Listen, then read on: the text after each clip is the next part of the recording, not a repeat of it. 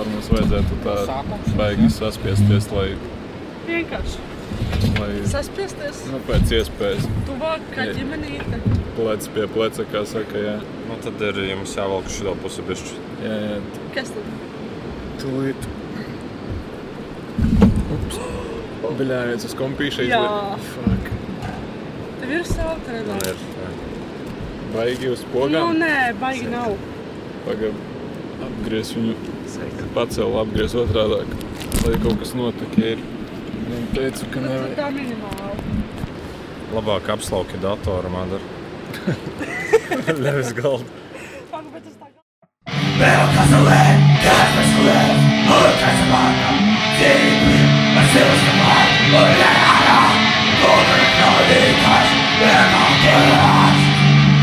Sveiciens rudenī, Metālkās CLV. Te atkal Silvestris, zināms arī kā Forge, Renārs. Zināms arī kā Renārs Čau, čau. un Madara. Sveiki! Un šodien mums jau tāda bezmaz vai tradīcija rodas. Atkal atrodamies dubultu pludmalē.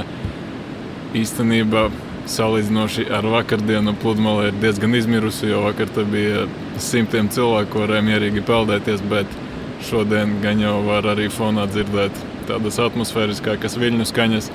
Un šī ir arī podkāstu sešu gadu jubilejas nedēļa. Tā kā mums super lieli svētki. Paldies jums, paldies mums.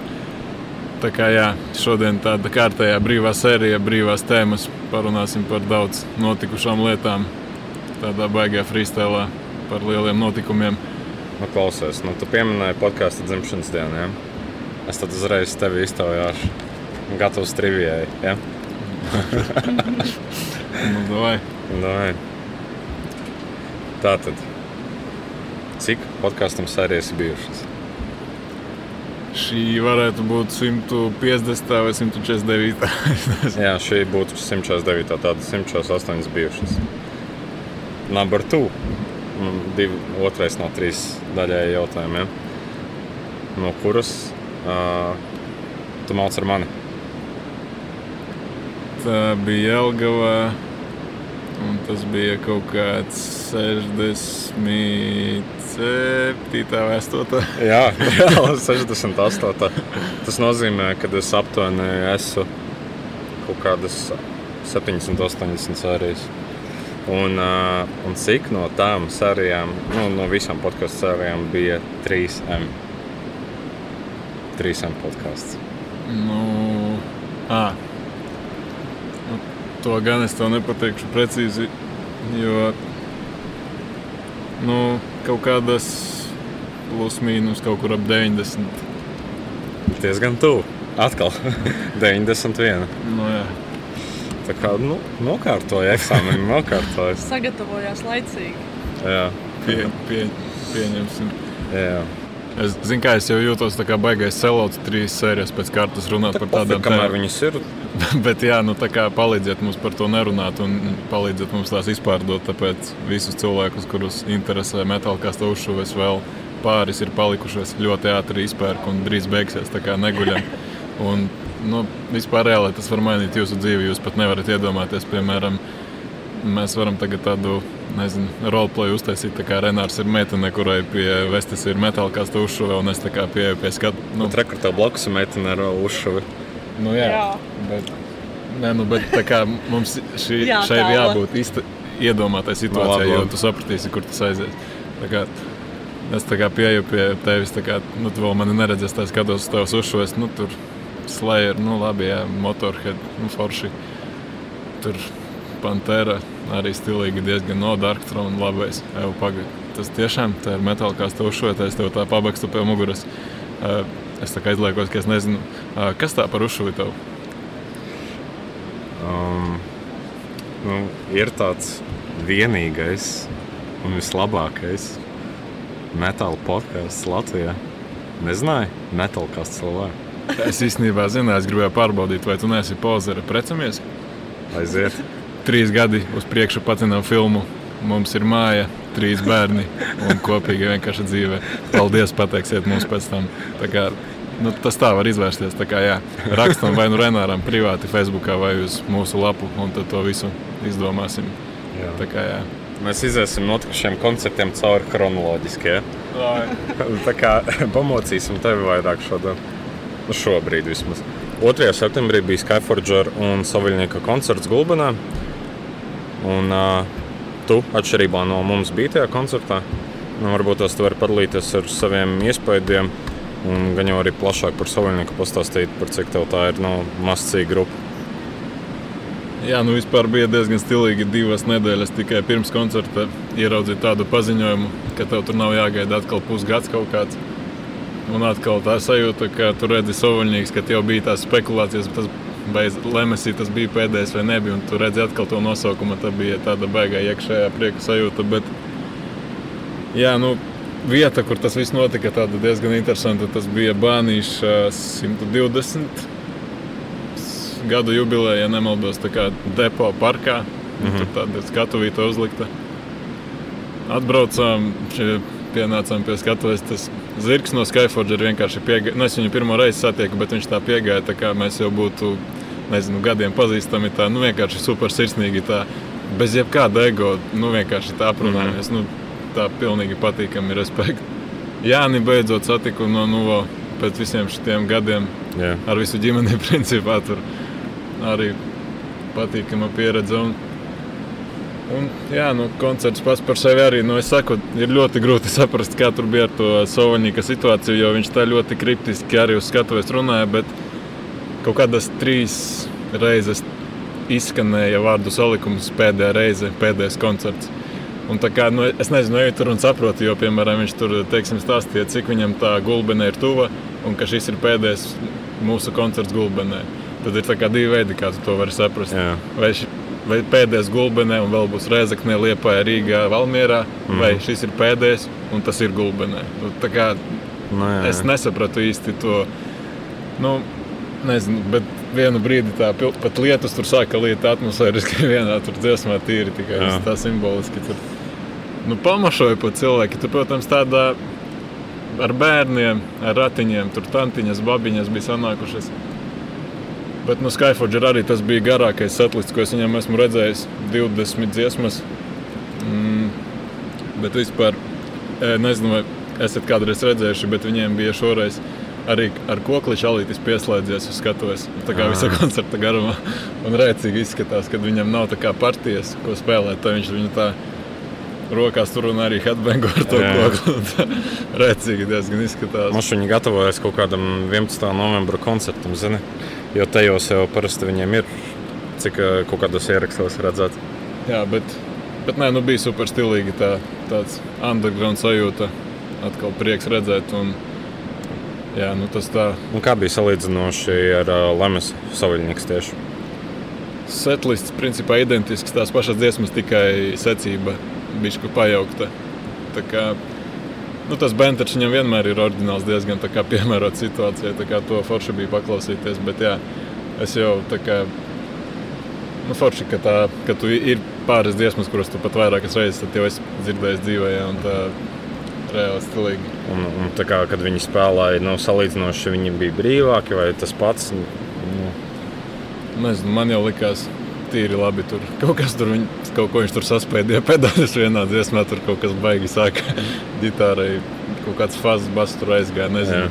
Bet it kā līdz galam noturēja. Bet, nē, nu, tā ir, protams, emocionāli, kā jau Jā, jā. iepriekš. Un, nezinu, grūti saprast, cerams, ka nebija pēdējais. Bet, Bet, nu, jebkurā gadījumā tu visus viņa koncertus nākamos uh, redzēsi, ja tādi būs. nu, tā kā tāds plāns ir, jā, tad, nu, labi, ja Brazīlijā varbūt arī domās uz savu atpūtu koncertu. tu Brazīlu?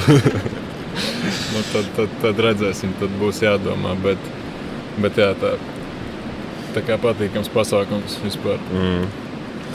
Nu, jā, jā, īsi pirms tam, īstenībā augustā arī bija daži koncerti. Piemēram, gribētu vēl pieminēt, ka bija Fit for an Autopsy koncerts Melnajā piekdienā.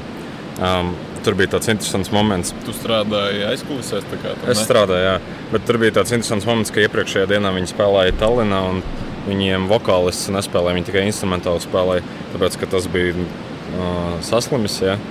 un nejaudāju. Un tad bija tā kā uz jautājuma zīmes, vai mums arī būs vokāls vai, vai arī nu, instrumentāli.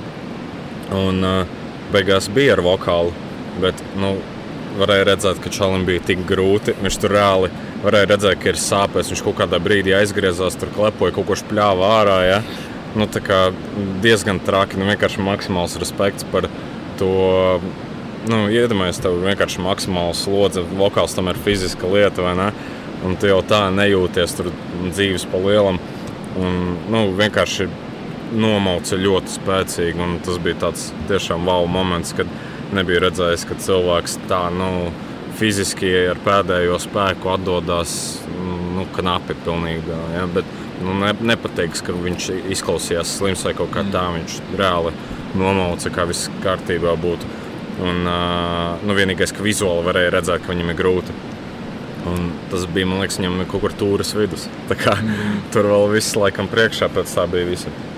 Un pēc tam 28. augustā bija Humanities Last Breath. Un tad tāds defkora mēnesis pa lielam tur sanāca malajā piekdienā. Ja? Tie arī baigi forši nomauc. Un tā baigi masīva skaņa bija pārsteidzoši labi tur skanēt. Um, Tie es arī piestrādāju.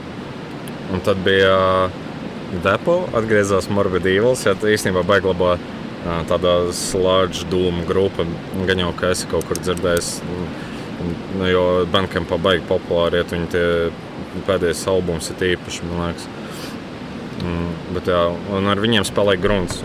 Es to gribēju pieminēt, tāpēc, kad pēdējo reizi es viņus redzēju kaut kur pirms gada, kad viņi bija tāda uh, deodījuma jubilejas koncerts. Mm. Un, un, un, jā, nu, baigi čaļi apgraidojušies, ka viņam tas ģitārists mainījies. Ja? Mm. Uh, viņam tagad zemāks skaņojums, un, un, un nu, jā, tā skaņa krietni pilnāka. Tur fonā viņiem arī kaut kādas nu, teiksim, sintiņi iet. Ja? Mm. Un, un, un, nu, tā ir rīktīgi krūti. Tā kā ja ir iespēja viņus redzēt, man liekas, ir laiks aiziet, jo ir diezgan, diezgan auguši. Un, jā, pēc tam nākamajā dienā, 2. septembrī, bija tāds Lietuviešu bleķa koncerts Republikā. Ja? Tur bija sabraukuši. Bet ar lietuviešiem ir tā, ka parasti. Uh, nu, baigi greizi var nošaut. Mums bija tā, ka mēs vienkārši aizējām, jo nespējām klausīties. un, un republikā, protams. Bet, jā, šoreiz tur bija atbrauca. Pirmie bija diezgan slikti, otrie bija diezgan ok, un tad trešie mums tā īstenībā izcēlās. Bija tādi magila, tāds vienkārši second wave black metal, tāds uh, worship grupa. Ja? Nu, vienkārši mauca tā kā Gorgorothi, Mortal sa sablandarēti kopā. Ja? Mm. Bet īstenībā vajag forši, un ja kaut kas tāds patīk, noteikti Bankampā var atrast. Un, ja var redzēt, dzīvē, ir, ir tā vērts. Viņam bija, atcerieties, Gronta, ka bija tas lielais krusts metālā ja, uz skatuves. Viņiem kaut kas līdzīgs tikai ar uh, izkaptēm un galvas kausēm tur uztaisīts, sametināts. Tas bija diezgan stilīgi. Nu, jā.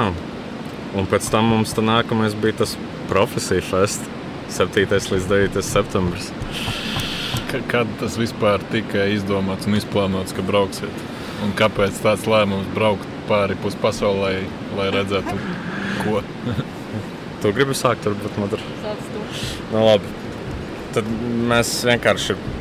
Es neatceros, kā, bet es redzēju telefonā, sociālos tīklos, gan jau, kad Agalov atgriezīsies kaut kādā koncertā, ja reunion shows pēc astoņiem gadiem. Man bija tāds wow, es biju šokā. Un tad es noskaidroju par to profesiju festu, ka tādā viņi spēlēs, kas notiek Vācijā.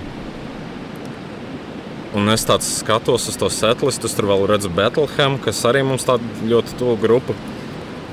Un pārējās tur nu, maz bija, kas baigi interesētu ja, sākumā. Un pēc tam es tāds domāju, mm, būtu forši aizbraukt. Un tad kaut kur jau principā dienas beigās es jau izdomāju, es saku, Madrē, nu, vai braucam. Jā, un tad nu, tā pilnīgi nepārliecināti un bijuši sabijušies, izlēmām, ka tomēr brauksim. Jo mēs pirmo reizi tik tālu aizlidojām uz kaut kādu pasākumu. Mēs principā tikai pa Baltijas valstīm bijām pirms tam uz festiņiem braukājuši. Nu, lūk. Jā, viņiem bija tas trailerīts, kas tā pārliecināja, ka šito vajadzētu piedzīvot, ja būtu iespēja. Es nekad nebiju domājis, ka būs iespēja Egalafu redzēt dzīvē. Funny fact. Pirms kaut kādiem trīs gadiem mēs uztaisījām sēriju, kurā runājām par top 5 grupas, kuras mēs nekad neredzēsim dzīvē. Man trešajā vietā bija Suffocation, un tev piektajā vietā bija Agalo. O, Tā kā redz kaut kas tāds. jā, kaut kas tomēr. Sapņi piepildās. Jā, jā. Nezinu, Renār, ko tu esi izdarījis ar to meiteni, bet kopš kura laika Madarai patīk tīrs vokāls, ka tu esi pat gatavs braukt uz Vāciju, lai klausīties tīros vokālus. Jā, es arī nesaprotu. Sākumā es uh, paklausījos to grupu. Man bija tāds vienu gabalu dzirdēju, izslēdzu. Tas bija pirms kaut kādiem trim gadiem vai diviem. Ja? Un tagad es vienkārši nu, Renāru dēļ. fonā slēdzu un uzsēdināju Un Madaru. tad vienkārši sāk iepatikties tā, ka es pēdējā laikā vienkārši to tikai klausos. Viena grupa vienkārši uz apli jau vairākus mēnešus. Tagad kaut kā skatos savādāk nedaudz uz to tīro Ir īpaši vokālu. pēc festivāla, vai ne? Ka tajā atmosfērā tu jūti to nu, pilnīgi cits efekts. Tad bullet formai Valentīna tomēr vēl ir Nebūs. nebūs. Attiecīgi, vēl bija interesants stāstījā visā ar to, ka, eh, nu, ka paziņoja Eglof, tas biļets vienkārši nu, nenormāli ātri tika pirktas. Ja? Un mēs principā pēc pirmās iespējas nopirkām biļetes. Ja? Un, uh, pri... À, tāpēc, ka bija atlaides. Jā. Jā. Nu, jā, un tad mēs pēc pirmās iespējas nopirkām uh, festivāla biļetes. Un, uh, divas dienas vēlāk fe- festivāls bija izpārdots. Mēs knapi paspējām. Mēs arī varējām beigās sanākt tā, ka nopērkam avio biļetes un netiekam uz festivālu. Tas sanāk, bija kaut kāds limits, jā, nu cik, lai tur tā visā salīst, nu, cik bija. Nezinu. Es neesmu pārliecināts, bet kaut kas teica, ka 2000 tāds mm. um, neliela mēroga festivāls. Diezgan jau tomēr. Tur. Nu, jā, nu, tas ir tāds, kā, ka tur alā tur ir tomēr sava ietilpība Nu, nu, jā, kaut kāda. Un viņi pat simti mums pāris tikai. Nu, jā, bet viņi vēl, spe, viņi vēl samazināja, tāpēc, ka nu, viņi negribēja, lai baigi saspiest tajā visā, tā kā, lai ir patīkamāka pieredze visiem. Tā, tā, tā doma bija. Nu, lūk. Nu, jā, tad mēs tā kā nopirkām. Avio biļetes pirkt tas bija visstresainākais pasākums, ko esmu piedzīvojis. Es pirmo reizi pats to darīju. Un, labi, tas tā. Man var vēl tālāk, ja? Jā, jā, droši. Silvestris izbauda tā ir pludmalē. Tā tad, nu, kā mums tas viss tur sākās. Pēc tam Anna, mēs pamazām kaut ko arī sākām iepazīt ja, no tām grupām, gatavojoties festivālam, bet tā ļoti minimāli. Un likās, ka nu, maz būs ko redzēt. Bet tad, kad mēs tur aizbraucām, ka tajā alas atmosfērā vispār nekad neiedomājos, ka festivāls notiktu alā. Ja? Nu, tajā atmosfērā viss skanēja labi. Reāli viss patika, ko mēs klausījāmies. Un pat Madara jā, ar visu dziedāšanu. Un, Jā, un, tīrajiem vokāliem. jā. Tur tas sanāk, tur tāds baigais reverbs arī iet, jā, vai? Nu, nu, alā dabiskais reverbs ir kaut kāds, jā, noteikti. Jā. Bet tā kā nu ieskicējas, nu es neesmu bijis, man nav izpratnes, tā kā cik liela viņa apmēram ir salīdzinoši ar kaut kādu gūtmeņalu, piemēram, tā kā, kā tas viss tur izskatās. Es teiktu, ka es drīzāk salīdzinātu ar kaut kādu palādiem. Tā, tur, tur bija divas skatuves. Viena bija tādā mazākā uh, atzarā, tajā alā. Tad vienā atzarā bija merčs, un tad uh, lielajā atzarā, pa kuru mēs principā ieejam alā, uh, tur bija tā galvenā skatuve. Sanāk, mēs nācām no skatuves aizmugures gar abām pusēm. Ja? Un tad mēs esam tajā stāvēšanas zonā. Un tad tur bija šī augstāk, tad tur notiek viss pārējais, pakāpjoties tajā alā, kur jau sašaurinās viņa. Un, salīdzinot ar palādiem, es teiktu, ka ietilpības ziņā tā galvenā skatuves zona viens ar pusi vai divi palādījumi. Kaut kas tāds varētu būt. Mm. Un, un, un, nu, drīzāk divi. Kā ar to drošības sajūtu? Nav tā, ka liekas, ka tur kaut kas varētu iebrukt uz galvas. Nu, vispār ne. Ko nedomā? Jā, nu, tur viss bija arī ļoti sakopts. un Tur, nu, tur nobetonēta grīda ir. Ja? Un, un, un tad tur eh, vienā skatuves sānā bija uh, tādā piepaceltā vietā sēdvietām zona. Ja? Tad, kā mēs paņēmām komforta pakas, tā kā mums tāda ekstra pienāca, kas bija nenormāli, nenormāli vērtīga. Tu, iedomājies, tu vari atpūsties, tā nav laiku jāstāv visas trīs dienas. Un uh, tad uh, jā, mēs paņemam paiku, aizējām apsēsties, klausāmies novembris dūmu. Ja? Jā. Un, uh, Nu jā, un tur pilnīgi visas grupas skanēja baigi fantastiski. Un tajā atmosfērā tas pilnīgi kaut ko citu tev iedod. Un tu to mūziku pilnīgi savādāk tagad uztver, ka to, ko tu tur esi dzirdējis. Ja? Un vispār tā ala, viņa bija mazpilsētā. Ja? Mm, tas bija arī baigi skaisti. Kā Tiešām ļoti skaista pilsētiņa, balva. Un, un, un, mēs tur arī pastaigājāmies apkārt, kā turistiem. Es pabildēju pilnīgi visu. un, un, un, un ko es vēl gribēju teikt? Ā, Nu, vispār jā, par to ceļošanu mums jau piedzīvojums bija pirms festivāla. Vispār. Mēs ielidojām Dusseldorfā no Rīgas. un Mums nebija plāns, ko mēs tā kā darīsim. Ja pirmajā dienā mēs lidojam, trešdienā, ceturtdienā viss sākas. Mēs domājam, varbūt lidostā krašosim kaut kur, jā, vai arī nu, tam līdzīgi. Un tad mums kāds tur tajā Facebook grupā ieteica, un, nu, festivāla Facebook grupā ieteica uz Dortmundu aizbraukt, jo tas ir pa ceļam. Un tad, kad tur ir lētākas naktsmītnes, mm. tad mēs tā arī izdomājam darīt. Jo Dusseldorfā, kad tu iet, tur pilnīgi nu, viss tikai priekš auto. Tu izēj ārā no lidostas, tu redz tikai daudz stāvu stāvvietas, ja tu vispār nezini, kur pusi iet. Mēs tur izbasījāmies tajā pilsētā, meklējot ēst. Ja? Nu, un pēc tam mums vajadzēja tikai vienu vilcienu, lai līdz Dortmundai tiktu. Un mēs tādi uh, iekāpjam, tas jau ir pats vakars. Ja? Un divas pieturas iepriekš mums pasaka, ka šoferis ka ir jākāpj ārā, tālāk vairs nebrauc. Un mēs neko nesaprotam, viss ir vācu valodā. Ja? Mēs tādi kā ap, apmaldījušies mežā, tiekam izlaisti. Ja? Un, tad, tad mums tur pāris cilvēki. Sākumā viņi atteicās palīdzēt, jo es prasīju, vai viņi saprot angļu valodu. Un pēc tam viņi palīdzēja, jo redzēja, cik mēs apmaldījušies bijām. Pateica, kur ir jākāp uz nā, nākamajā vilcienā, lai tiktu uz to Dortmundu. Iekāpam vilcienā, pabraucam vienu pieturu, mums atkal saka, jākāp ārā. mēs vienkārši tā izbasījušies, ja mums tik grūta diena tā bija. Un, uh, Nesaprotam, kur jāiet, jā. kas notiek. Mm -hmm. Un tad uh, es tur atkal visiem prasu, uz kuru pusi, ko jau zinām, kad maz laika, lai tiktu uz tiem vilcieniem. Ja? Un iespējams, ka tas var arī būt pēdējais vilciens. Nu, tad mēs iekāpjam trešajā vilcienā, tad vēl vienu pieturu pabraucam, un tad tomēr tikām līdz Dortmundai. Un tad mums palika nepilnas 10 minūtes, līdz varējām iečakoties viesnīcā. Līdz 12. varēja iečakoties. Ja? Es biju tā kā bookingā norezervējis. Mm. Nu, knapi paspējām, bet uh, nu, vismaz Dortmundā tur bija tādi civili, viss, nu, tā kā, kā vecerīgā, visi par rokā, ja tur ēstuves, veikliņi un tādā garā. Un turpat pie tās stācijas bija arī tas hotels. Un tas mums bija tāds baigais piedzīvojums pirmajā dienā. Labi, ka paņēmām to viesnīcu, varējām nomazgāties un pagulēt kā cilvēki pēc tā trakuma.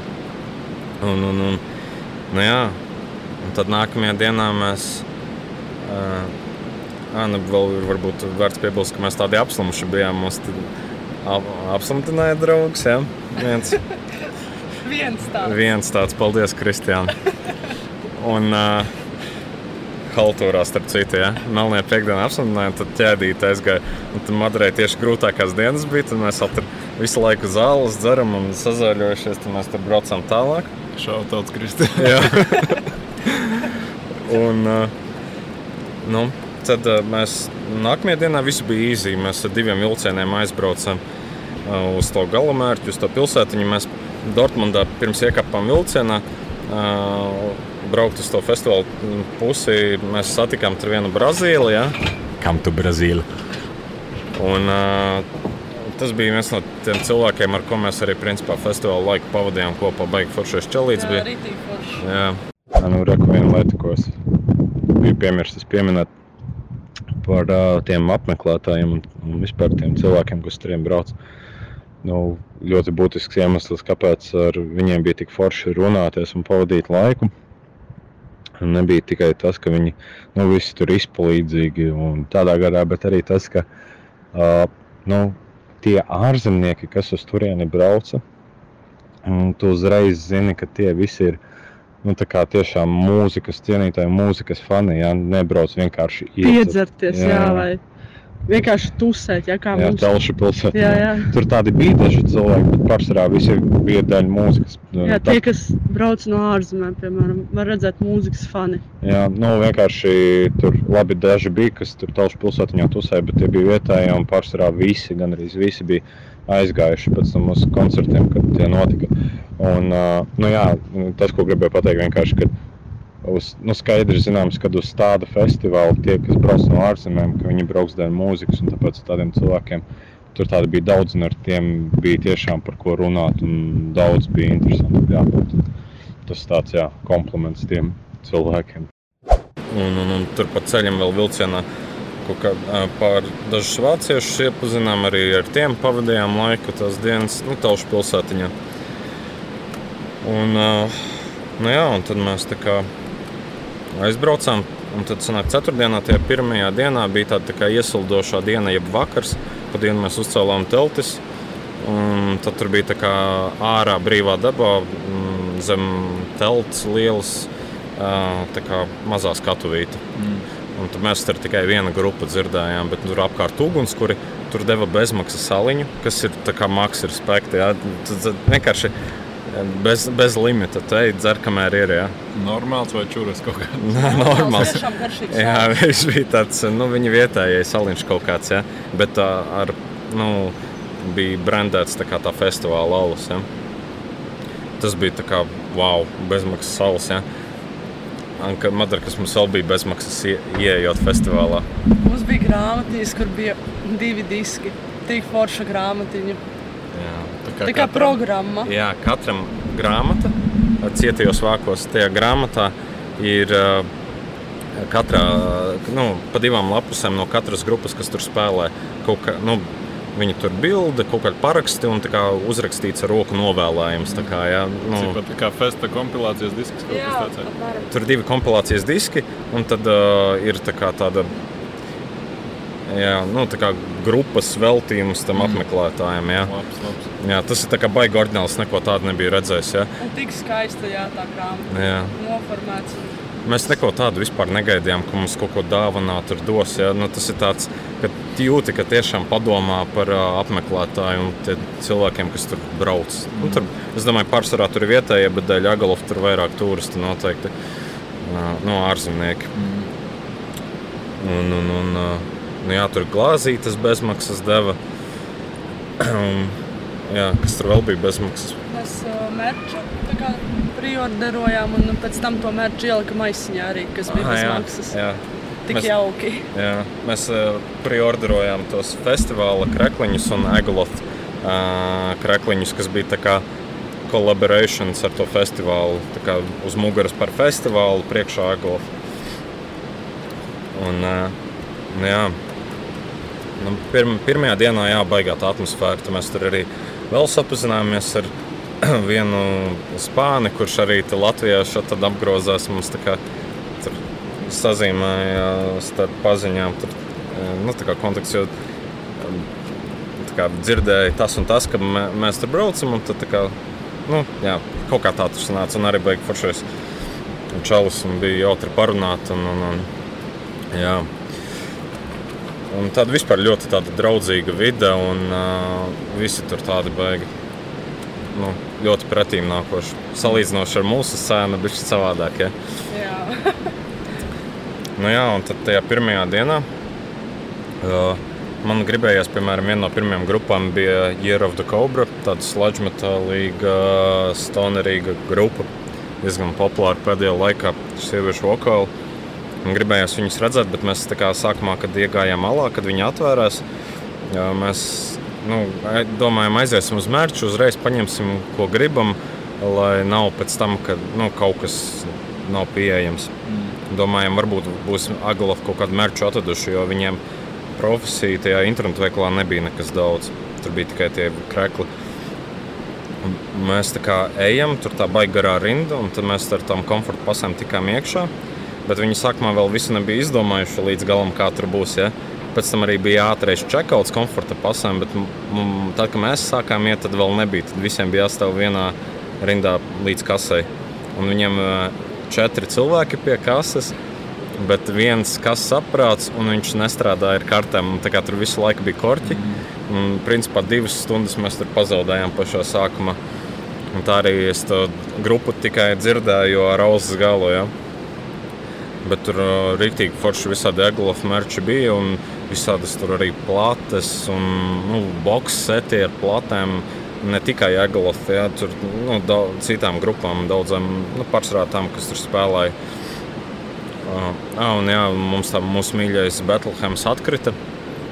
Viņi nespēlēja. Un, un, un, nu jā, mēs tā kā tur sapirkāmies, visu kaut ko mēs sapirkāmies. Kasetes, diskus nopirkām, tu grāmatiņu nopirki. Visus diskus, kas bija principā Jā. Un arī kasetes. Pagaidā, diski tie ir tās tie jaunie rīprasi kaut kādi. Vai Jā. kas? Jā.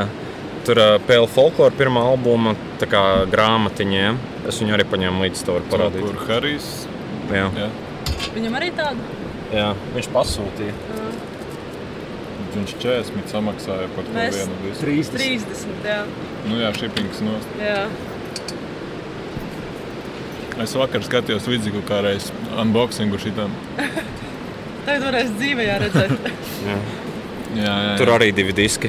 Un arī ļoti Un skaisti. tie grāmati. otrajā diskā ir kaut kādi visādi demo salikti. Bet ļoti laba kvalitāte. Un tā smarža. Vai ne? Kad jauns. Jā.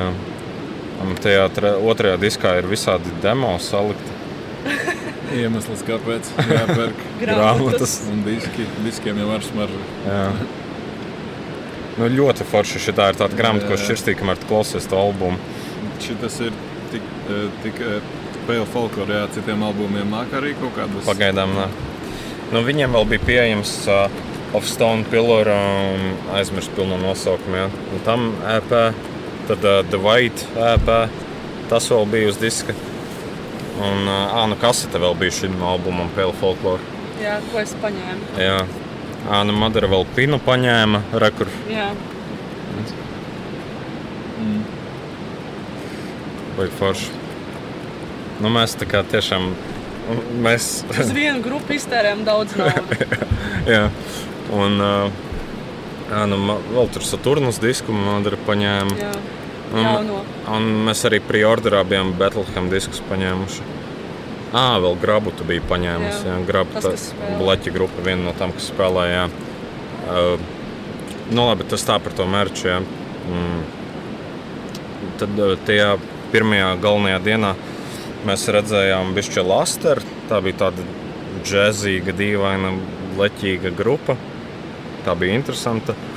Uh, tad mēs pēc tam redzējām, nu, tā pirmā, ko mēs tā patiešām visu redzējām, bija Dark Space. Un Tāda ko kosmiskais black metāls. Ķipa, ja. Ļoti, nu, man baigi patika.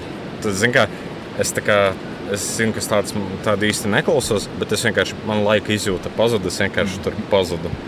Jo mēs varējām apsēsties un mēs sēdējām Jā. un klausījāmies. Jā. Kā tāda opīša. Jā.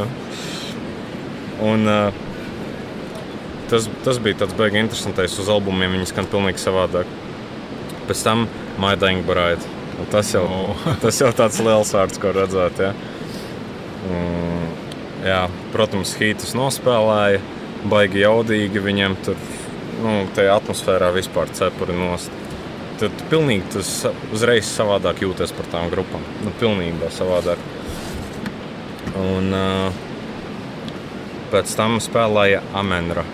Ir tāda tā kā, kaut kas līdzīgs Celeste. Ja? Ar tādiem uh, tā nocturnes vokāliem, ja? un tāds franču stiliņš. Gan jau zina tādas grupas. Un šis mums laikam bija tāds uh, festivāla pārsteigums. Un uh, nu, Madara varbūt vairāk var izteikties, jo viņa ir reāli. Sākumā Renārs uzslēdz man tāds no rītīgs, likās sieviešu vokāls. Man bija tāds, nē, šito mēs neklausīsimies. Bet pēc tam nu, pēdējā grupa, lielā grupa, pirmajā vakarā, ne otrajā vakarā. Jā. Tad ai, gājām klausīties, un jā, rītīgs pārsteigums, un rītīgi tik jaudīgi skanēja. Tur zosana vēl matā. Jā. Mēs pēc tam mēs no sākuma sēdējām, domājām, nu, paklausīsimies. Pēc tam gājām stāvēt un gājām kratīt galvu, jo arī tīk forši bija. Tā, nu, vispār tur bija tā komiska. Mēs pa- nu, skatuves sānā sēdējām. Ja? Mēs redzam, ka citā leņķī arī to. Ja? Tur tieši tur, kur mēs sēdējām tajā brīdī. Un tur sanāca tā, ka mēs skatāmies, tie, kas mums priekšā sēž, viņi kaut ko baigi tur zūmo un filmē. Ja? Vokālistam bikses saplīsušas priekšā. Un baltas apenes. Jā, viņi, redzamas. viņi baltā sapenītes spīdēja. Ja? Un Tas mēs, caurums bija rītīgi liels. jā, Un un mēs mēs, speciāli ventilācija. un tad mēs laikam sapratām, kāpēc viņš ar muguru pret skatuvi visu laiku spēlēja. Bet uh, pēc tam mums teica, ka viņi tā dara. Jā, jā. Es paskatījos Instagram arī tādas bildes, kur tā. Nu, jā, bet viņš tāpatās kaut kādos brīžos vienkārši rīktīgs pofiks viņam ieslēdzās. Viņš vienkārši pagriezās un auroja visiem pretī ja, ar visu to, ka viņam apenis spīdēja. Viņam bija jaka, mēs domājam, viņš var novilkt apsiet ja, priekšā, bet Nē, vienalga. viņam vienalga. Un cepuri nos, tiešām tas bija tik nenormāli jaudīgi. Un, uh, jā, tāds bišķi hardcoreīgs, black and kaut kas tāds slādzīgs. Un tas tiešām bija tāds mm, festivāla pārsteigums. Tajā atmosfērā ja. man pat grūti noraksturot, cik labi tur tas viss skanēja. Ja. Kā, ja tu, piemēram, klausies uz savu atskaņotāju kaut ko tur atmosfērisku, ja, tad šis būs reizes simts atmosfēriskāks. Ja, viss tajā vidē un tam līdzīgi. Un, Nu, jā, un tad otrā diena, laikam, iziesim vēl tai cauri. Mēs jau tā baigi ilgi vervelējam, ne? Savus tur ne, neaizmigs. Es ēdu frī. Labu apetīti. Paldies. Um, pirm, tad tur tāda pirmā grupa tajā dienā spēlēja tāda ELR, tāda sieviešu sludge metāls, varētu tā teikt. Ja tur tādas divas mamzeles spēlēja, bet baigi spēcīgi. Nu, tiešām arī bija baigi forši. Un, un, un nākamā bija tāda norvēģu kaut kāds, teiksim, trakais black metāls, uh, slagmaur. Noteikti kāds no klausītājiem ir dzirdējis. Uh, kā, interesantākais par viņiem laikam bija viņa kostīmi. Jā, Viens tur bija, nu, viņi tā kā sa- saģērbušies tādos bezmazliet reliģiozos, rituāliskos apģērbos, un galvās viņiem ir maskas uzmauktas. Tādas ap visu galvu. Vienam bija cūkas galva, vienam bija kaut kāds, kas tas varētu skaitīties. Nu, kaut kāds miesnieks, ja? Un tāds rīktīgi krīpīgi izskatījās. Un tad uh, vokālists bija tāds tā kā putna galvas kauss, ja? un uh, bundznieks bija milzīga gāžu galva. Krūti.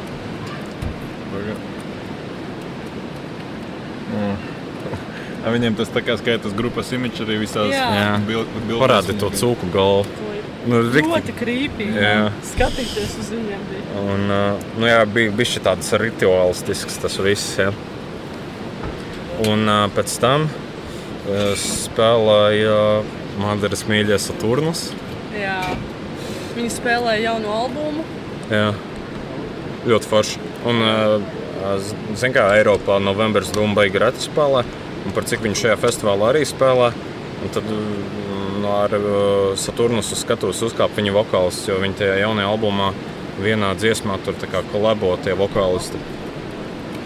Un, un, un, uh, tas arī bija skaisti un tāds emocionāls brīdis. Vienkārši tīri vokāli Jā, skanēja. dziedāja Jā. čaļi. No. Jā. Un pēc tam apskāvās beigās. Tas arī tā jauki. Ļoti skaisti. Jā. Un tad pēc tam spēlēja tāda uh, grupa, graba. Viņiem viens albums izdots, ja tad nu, ļoti tāds, atm nu, neteiksim, atmosfērisks, bet tāds melanholisks black metāls. Un Tur bija festivālā tas tika reklamēts kā only show ever. Ja? Mm. Bet tad, kad viņi spēlēja, tad jau tur viņi teica, ka tas ir viņa pirmais šovs. Ja? Tad visticamāk, ka viņiem būs vēl. Bet, tā kā mēs nevarējām saprast, ko sagaidīt, kā viņi vispār izskatīsies. Ja? Jo viņi tā kā nerāda savu imidžu video klipos un tam līdzīgi. Un tad viņi bija tādos, teiksim, nu, kā zemnieki saģērbušies. Ja? Un tad viņam tur tas koncepts albums, viņi principā tur visu albumu nospēlēja. Bet, Jā, tas albums bija tik labs, ka es uh, paņēmu disku. Jā. Un tas albums arī ir uz platēm, bet tur ir divas plates priekš tā albuma. Mm. Nu, jā. Un tad vēl bija Novembris Dūma. Arī tāda le leģendāra dūma tāla grupa. Uh, pārsteidzoši maz cilvēku pie viņas bija atnākuši mazāk nekā pie citām, kas iepriekš bija. Bet arī ļoti forši spēlēja. Jā, mēs paņēmām ēdienu, gājām, sēdējām. Un skatījāmies dūmu tālāk. Um, ja tev ir ko jautāt, tad droši iestarpinās. Ja? Nē, es tās grupas nezinu vispār, principā, tāpēc man tā interesanti par tiem Mhm. imidžiem, par tām. Nu, jā.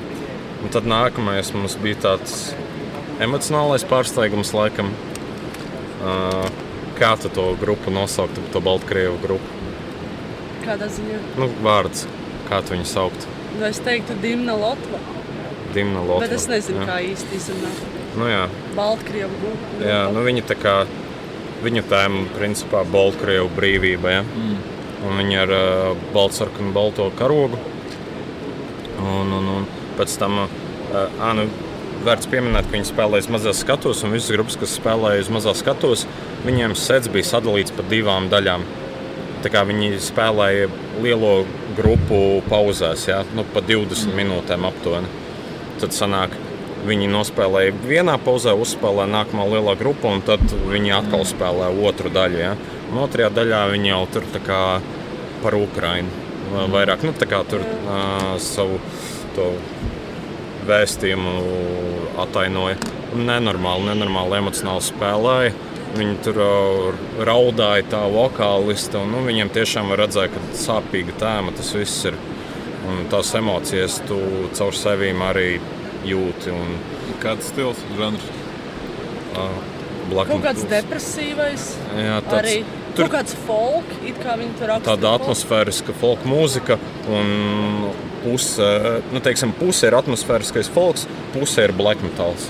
Depresīvs. Jā, un tāds, ka tur gaudo un nu, visādi šitādi stiliņi tur parādās vokālos. Bet tas bija reāli baigi spēcīgi, un šito mēs noteikti vēl klausīsimies. Emocijas tur tiešām bija milzīgas. Un, Tie mazie skatuvi. Žēl, ka viņiem tā mazā skatuve, jo viņi tomēr grib arī informēt cilvēkus ja, par to, kas notiek mūsu Eiropas galā. Un pirmais koncerts, kurā es sāku vienkārši raudāt, jo es redzu tās emocijas tai sievietei, Jā, ka viņa dzied par savu valsti, par brīvību, ja, kurā. Jā. nav. Un tad tu vienkārši saproti, nu, cik mums ir labi šeit. Un tāpēc Jā. vienkārši tās asaras līst, jo viņa raud un nu, ļoti emocionāli. jā. Renārs arī raudāja. Nē, viņš neraudāja. Es, es biju atbalsts Madurai. Bet, uh, Es negribēju raudāt, bet vienkārši nāca. nu, es teikšu, man labs acis bija, ja, bet es neraudāju. Bet es raudāju vēlāk. Ja. Tā kā mums šeit bija raudāšanas festivāls. Tad nākamā bija Vemod. Arī tāda norvēģu, mm, nu, teiksim, jaunās paudzes black metal grupa. Ja. To, tiem noteikti ieteiktu albumu ievērtēt. Viņi dzīvē nu, tikai savā galā principā spēlē. Un, un, un uh, Madara apkalpos. Vēl ir silta vai? Ir, ir. Ā, jā, Ir bijuši šis silts. jā, paldies. Nu, tad tos vem, tie vem, un tas tāds arī uz dabu baigi, uz dabas tēmu balstīts black metals, tāds atmosfērisks. Tie arī bija baigi labi. Un pēc kā man bija tāds um, arī vēl viens tāds baigi foršais pārsteigums. Es to nākamo grupu biju klausījies jau pirms tam Bandcampā, jā, jo tur baigi izcēlās tas albums. Tāda grupa Tarponda, uh, sludge metāls, pa lielam, bet tāds nu, nenormāli dūmīgs, spēcīgs, bet ar tādu dziedošu vokālu. Un mēs aizjām pie tās mazās skatuves, kur viņi spēlēja. Un mēs skatāmies, un viņa tā kā vokālists, ja tas imidžs, viņš saģērbies kā wife beaters reāls. Ja? Uh, uh, nu, tā kā balts tanktops, pa virsmu mehāniķa krēkls. Ja? Un, un tāds vienkārši ir reāli sencītis. Ja?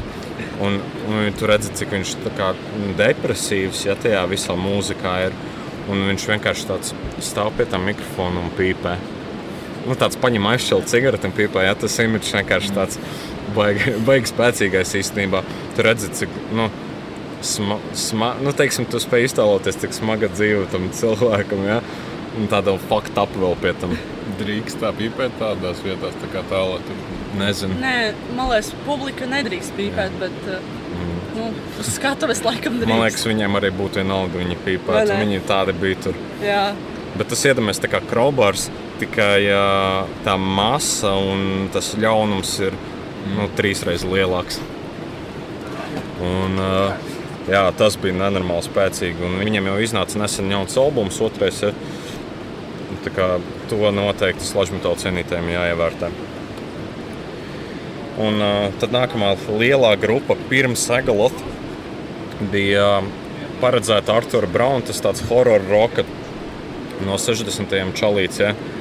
bet uh, viņš tā kā netika. Pēdējā dienā paziņoja. Un tad viņa vietā spēlēja tur tādi dark, dark hair, tāda sieviete, tur, ja, spēlēja tādu arī atmosfērisko mūziku ar dziedāšanu. Un pirms Eglofa tika nenormāli to atmosfēru uzbūra, nu, baigi skaista mūzika, un tad, bet ar nenormāli smagiem momentiem. Tad, jā, Divi cilvēki bija tā sieviete un uh, bumzinieks. jā, jā. Nu, jā. Un tad beigās bija mūsu dievinātie. Un Man vienkārši, kā, man tajā pēdējā dienā bija tā, ka man bija grūti kaut ko citu izbaudīt, jo es visu laiku domāju par to, ka es tajā dienā redzēju Šagalofu. Ja? Un man bija tāds, es klausos Saturnus, un es saprotu, ka Sagalofu redzēšu, man paliek kā slapjas acis. Ja? Tad, un es pat neklausos viņus vēl. Ja? Nu, tad mēs sagaidījām. Pirms viņi spēlēja, bija aizkari nolikti priekšā. Mēs, mēs tikām principā pašā priekšā. Ja? Un, uh, un tad uh, viņi tur nos, atskaņoja to dziesmu Hollow Stone no, no Baltā EP. Un tagad, kad es dzirdu to dziesmu no EP, man ir pilnīgi cita sajūta. Ja man zosena metās dzirdot to kāpinājumu. Ja? Un tad viņi, protams, sāka ar to dziesmu, kura bija trailerī at- atskaņota. Limps. Jā, blin. Es tieši gaidīju to dziesmu, pirmā, un jā, ir. Zinām, ka mēs nespēsim aprakstīt tās emocijas, Nu, jā, kas mums jā, tur bija. Renārs raudāja. Es reāli raudāju. Sounds beautiful and gay, but it's okay. Jo es, es, ne, zinu, kā, es varu uz vienas rokas saskaitīt, cik reizes man ir tā tik emocionāli bijis. Ja? Bet tā, tā, tā bija tāda visu to dienu un visādu dzīves notikumu kulminācija. Ja? Es nekad nedomāju, ka es viņus redzēšu dzīvē. Ja? Un tā grupa mums ar Mādara kopēji ļoti daudz nozīmē. Ja? Viņa mums tā kā kopdzīvā fonā principā ir bijusi vienmēr. Ja? Un, uh, nu, tā mūzika. Un, kad tu redzi dzīvē, jā, nu, tas ir vienkārši fantastiski. Viņi, viņi spēlēja krietni labāk nekā uz albumiem. Man tā likās, piemēram, ja tu klausies spēļu folkloru, tu jūti kaut kāds brīžs, kad bišķi amatierismu var just. Jā. A, tur viņi tik nenormāli cieši un precīzi visu nospēlēja. Viņa tas ģitārists vispār tāds beigas šaumans, tur uz muguras guļ spēlēja. Ja, un tur, nu, tāds šļūts pa visurienu. Pēc tam stīgas saplēsa. Jā, beigās. Beigās. Pareizi, jā, viņi taču saplēsa savu ģitāru stīgas. un Tas bija greizi. viss tur, un Tā nenormāla, spēcīga atmosfēra. Viņi nospēlēja pat dziesmai no katra albuma. Pat bišķi vairāk tur bija tajā setlistā. Tu jau redzēji, vai ne kaut ko no- par to setlistu? Nu, principā pat dziesmai līdz trīs no katra albuma viņi divas stundas aptuveni spēlēja. Jā. Jā. Un, un, un tad vienkārši tajā ekstāzē tu, tu nevari attiekt. Ja? Tu, eh, un, un tad es beidzot pēc šī visa pasākuma es sapratu, ko tu domāji ar to uh, pēc festivāla depresiju. Ja? Un tad mums reāli iestājās tas mums, ka, nu, Mēs pirms dienas bijām Vācijā, Alā. jā, Klausījāmies grupas foršas. Un, nu, Tāds... Tagad mēs esam mājās. tu atgriezies realitātē no tā visa skaistuma, kas tur bija. Ja? Nu, tas, tas bija vienkārši neaprakstāms. Nu, jā, es, mēs arī sap, nu, runājot ar tiem vietējiem, kas tur bija jau vairākas reizes bijuši tajā festivālā, mēs, prasi, nu, mēs prasījām, kāda ir. tā Kā, kurš ir viņa, viņa prāt labākais uh, gads, kurā viņi ir bijuši? Viņi visi pateica, ka pirmais. Un, uh, mēs jau tā domājām pirms tam, un tas tikai mūsu viedokli apstiprināja, ka labāk nebraukt vēlreiz, mm. nu, tā kā negraut Nu, to Nebojāt. jā, iespēju, un lai tas paliek kā vienreizējs notikums mūsu jā. dzīvē. Ja? Jo ir daudz citu festivālu, kurus var iepazīt, aizbraukt. Arī unikāli. Jā. Jā. Un, uh, kā, kāda iespēja, ka nākamais lineups pārspēs šo? Ja? Nu, kas tad bija tajā pirmajā, ar ko tas tā izcēlās viņiem? Nu, kā- Nē, es- Pirmās emocijas par to nu jā. festivālu Ne, vispār. Nē, bet- bet kas spēlē tieši tajā pirmajā? Nē, nē, nē tas bija pārprati. Nevis pirmais vispārējais. Ā, viņu pirmais. Viņu pirmais. Ā, ok. Katram cilvēkam pirmais, kurā viņa bija, bija viņu tā kā labākais. Ah, okay. Un, jā, nu mēs sapratām, mēs vienkārši nebrauksim vēlreiz. Jo neticami būtu, ka tur būtu vēl kaut kas, kas pārspētu Egalofu priekš mums. Ja? Un, jā, noteikti ir kaut kādi citi festivāli, uz kuriem ir vērts mm. aizlidot Un, un, un, tā kā mēs noteikti rekomendētu uz to festivālu aizdoties. Visiem, jo tiešām tas man liekas bija labākais un Tas ir- grūti pārspēt. Jā, un tas ir bez šaubām labākā, tā ir labākā festivāla pieredze, kāda mums ir bijusi. Tas, tas bija tā vērts. Tur uz lidmašīnām uz tā mēs iztērējām vairāk kā 1000 eiro, kur 1500 varētu būt. Jā. Bet tas viss bija tā vērts. Un, zin, kā, mums likās, ka tur nebūs grupas, ko mums baigi daudz dzirdēt. Bet tad, kad mēs atzīmējām, ko varētu paklausīties, sapratām, ka pēdējā diena vienkārši pārbāzta. Mēs tur visu laiku mums jābūt. Ja?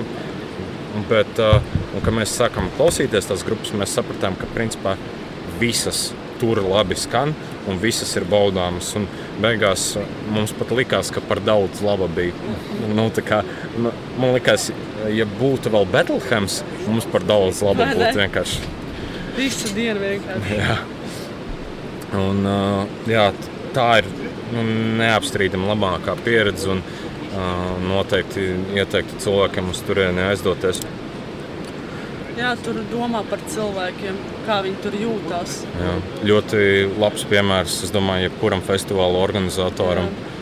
Un, uh, Labāk uzcelt to cenu un tā kā Jā.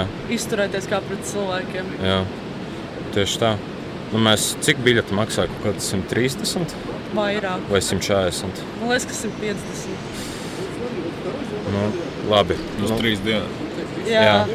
Nu, tā kā normāli. normāli. Un tev vēl ir grāmatiņa. Ja? Un tas Un nebija vēl- rakstīts, ka būs. Ja? Jā. Un tad vienkārši te pārsteidz ar to, ka tas viss nāk klāt. Ja? Viss kaut kādi bonus, kas ir tik jauki. Vienkārši mm -hmm. padomās, par Skaidrs, cilvēkiem. ka Amerikā ir vienreizēji koncerti, kas maksā vairākos simtos. Tā kā normāli. Jā. Vai ne? Jā, pilnīgi normāli. Un, Adekvāta cena. jā. Un, principā par ža- žaibas jau arī diži neatšķirās cenā, vai ne? Nu, simts Nu, kaut kur tā. Liela 90 atšķirība jau nav, jā. Un, uh, Kur mēs izvēlētos būt? Tālāk, Vācijā. jā. un tagad ir tāds, saproti, ka visticamāk šo pieredzi tu nekad nepārspēsi. Ja? Un Tad, nu, protams, kaut ko mēģinās. Ja? Nu, tā arī nedrīkst dzīvot. Ja tu tagad domā, ka viss ir downhill no šejienes, tad, tad jēga tev vispār tagad ir tas, ko Klausies, zin, kā bija, mēs domājam, ka mēs esam vienīgie latvieši. Ja? Mēs ar cilvēkiem, ko tur runājām. Ja? Nu, starp citu, arī Facebookā tas festivāls bija publicējis, no kurām valstīm cilvēki brauc. Vienīgā no Baltijas bija Latvija. Un tur mēs tur stāvam pie Saturnas, un pēkšņi es aizmugurē dzirdu latviešu valodu. un tad izrādās, ka jau, uh, viņi jau bija sapratuši, ka mēs esam latvieši jau iepriekšējā dienā. Un tad mēs atpakaļ lidojot ar viņiem arī runājām. Ja? Tā kā tu tur bija tāds bišķi vecāks pārītis, uh, arī uz turieni aizbraukuši. Bet uh, mēs viņos nejūtām tādas emocijas. Ja? Kā, nu, vienkārši tu saproti, ka tik daudz uz festivāliem braukā, ja? ir grūti. Nu, tā kā baigos tā kā, te, nu, emocijas jaunas atrast. Ja? Un tad šis ir tāds, par, par ko visu laiku vienkārši sanāk vēl joprojām sapņot. Un nedēļa nav vēl pagājusi, ja? bet tāpat tās, es nezinu, man vienkārši gribas, lai visi piedzīvo tās emocijas. Tas ir tā vērts uz turieni aizdoties. Un es pirmo reizi arī redzēju, ka festivāls tiek izpārdots. Jā. Tā kā ja tev pat gadās iespēja un ir kāda grupa, ko gribi redzēt, kaut vai vienas grupas dēļ, ir tā vērts. Nu, reku, ja savaļnieks izdomās pēc koncertu tur vēl. Un, nu jā, tad tāds ir mūsu, Pieredze. jā, mūsu pieredze un neliels, tiešām neliels ieskats festivālā, jo tur var runāt stundām. Jā, tie. Viss bija fantastiski. Cilvēki, organizācija, grupas, atmosfēra, vieta, apkārtne. Viss bija ideāli. Mums pat nav mīnus tādu, ko mēs varētu pateikt, jā, šis bija slikti. Tur vienkārši Jā. viss bija labi, tur nav mīnus. Jā. Un viņi tikai aug vēl vairāk. Mm. Kā šogad bija tikai Pirmais divas gads, kad divus skatos. Jā, Jā. divas skatos. Mm. Aug. Jā. Un, nu jā, tas būtu profesija fests. Tad tev jau Madara nav laikam vairāk ko pastāstīt. vai ne? Jā. Bija ļoti labi. Ļoti labs festivāls. Nu, Nosaukt. jā, malači, nu, ko tur pateikt? Tur tā kā var atrast, protams, daudz iemeslus, kāpēc nebraukt. kāds. Nevar. Nē, nevar. Viegli, nu kā pateikt, nu dārgi, tālu Nu, priekš tādā ziņā, jā. Bet, teiksim, ja tas ir tikai tāds finansiāls sitiens paknām, tad ir, domāju, ir vērts uzņemt to, jo tas paliek. Tas ir atmiņas, jā. Un mēs nevienu centu nenožēlojam. Nu, Nu, tad- Tam neuzliksi jau jā. cenu. It Nē. īpaši ir tāda īpaša grupa tur. Un, nu, Nē, nu, forši, ko tur, ko tur Jā. piebilst. nu, labi. Nu, jā, un principā tad nākamais festivāls, uz ko mēs dosimies, laikam ir Halls of Winter, kas ir Igaunijā, tas underground black metal. Arī brauks ar mums Silvestri. Diez vai. Tas ir februārī kā- kaut kad, jā. Jā, Jā. kā melnā piekdiena. Jā. Bet uh, es domāju, ka mums nākamā gada nebūs tādi baigi lielie festivāli. Mums jau tā kā pa lielam ir ieplānots, ka būs Lemes, Žaibas, Halls of Winter un vēl nu, tāds viens piemetinājums būs Steelfest, jo tur uzstāsies Gorgoroth, Nocturnal Mortum, Inquisition, Horna, Mispirmings, Streets un daudz citi. Tur puse tikai grupas ir izziņotas. Un Inquisition mums ir arī īpaša grupa, ko redzēt, un Gorgoroth, protams, arī ir jāredz. Kā Renārs bļāva, kad izziņoja tās grupas. Visa māja rībēja. Zin, kā, Bija tāds brīdis, uh, izziņoja inkvizīciju. Un mēs tādu būtu forši jau gorgorot, jā. Un tad pēc minūtes izziņo, un Renārs vienkārši bļauj. bet, zin, kā, mums bija tāds, ka viņi vienkārši publicēja pa vienai grupai ik pēc minūtes, Jā. tajā Facebook eventā. Un vienkārši un es tikai nosapņoju, ka būtu forša inkvizīcija redzēt, ja, un reāli. Madara pirms tam teica, "Nu, iedomājieties, vēl Jā, inkvizīcija būtu. Un Un ir pēc piecām minūtēm izziņo.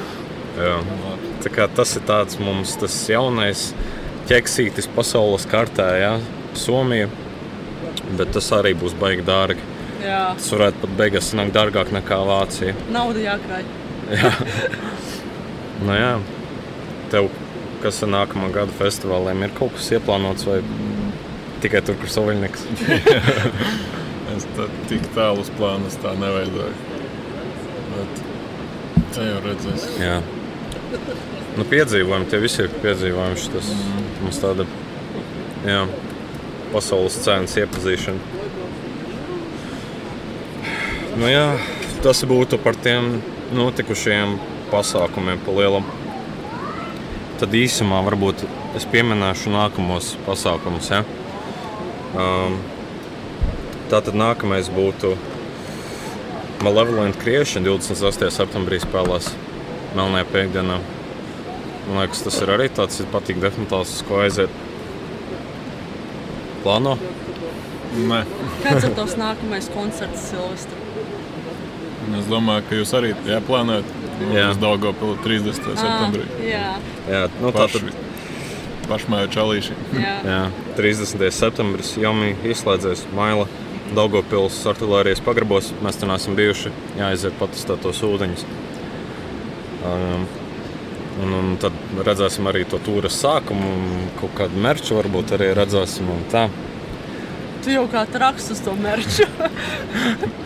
Tu jau arī tāda pati. Bet uh, dienu pirms tam būs uh, arī vēl viens īpašs koncerts. Deodijam mm. uh, Maldupa jaunā albuma prezentācijas koncerts. Kurā vietā? Uh, man liekas, ka turpat, kur bija tas jubilejas koncerts, tu jau zini, kur. Man liekas. Mm, Bet jā, tas arī liekas, ir diezgan obligāts koncerts. Uh, pēc tam nu, bija jau tālāk, bet 11. oktobrī, uh, jā, 11. oktobrī spēlēs Bačuška uh, Maķuška?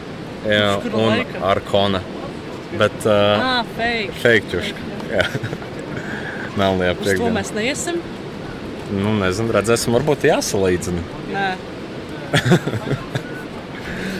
Un, un, un 28. oktobrī 20 gadu jubilejas koncerts Frailty. Uh, un jā, es zinu, ka es te vienu segmentu laikam nokavēju. Bet uh, Silvestris vispār ir redzējis Frāltī dzīvē. jā? Nē, Nē? Vai tu ne? nedzīvoja īpaši. vai, vai tu Lemesī neredzēji? Nē. Un uh, bišķi par šo aizgājušo koncertu, nevis aizgājušo koncertu, bet nākamo koncertu tēmu. man priekš uh, Silvestra ir uh, for fun segments. Ja? Tas būs viena sekundē vai apgriezties. Tas būs apgrieztais.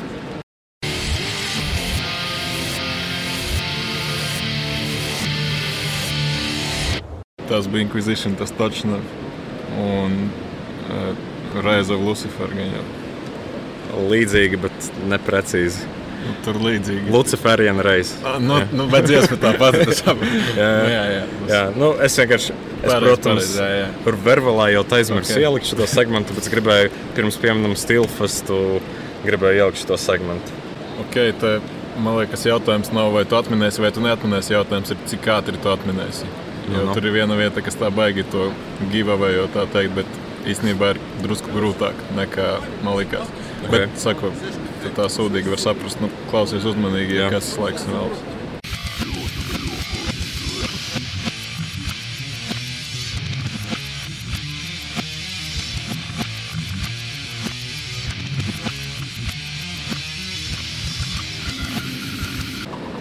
Cannibal Corpse Hammer Smash Face. Tie piņš harmonikas nodeva, ja tas ir kur tas Ir pašā sākumā jau. Jā, ah, jā sapratu. Jā. Okay. Nu, vispār, jā, nu, Cannibal Corpse drīzumā iznāks jauns albums. Kaut kad septembrī vai? Jā, 22. septembrī, man liekas. Ah, starp citu, Nu, nu. nu, labi, tas ir. Tas ir daļai ar nākamo segmentu saistīts. Jā, mēs iesākām- bišķi par jauniem albumiem. Tas ir par jauniem albumiem. Jā.